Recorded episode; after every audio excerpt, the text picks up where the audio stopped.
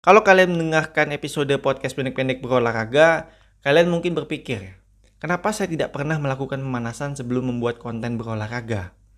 Sebenarnya saya melakukan pemanasan sebelum membuat konten berolahraga, tapi sengaja tidak saya rekam karena saya tidak mau durasinya terlalu panjang. Orang konten podcast pendek-pendek berolahraga saja saya potong durasinya ya, karena durasi aslinya menurut saya terlalu panjang.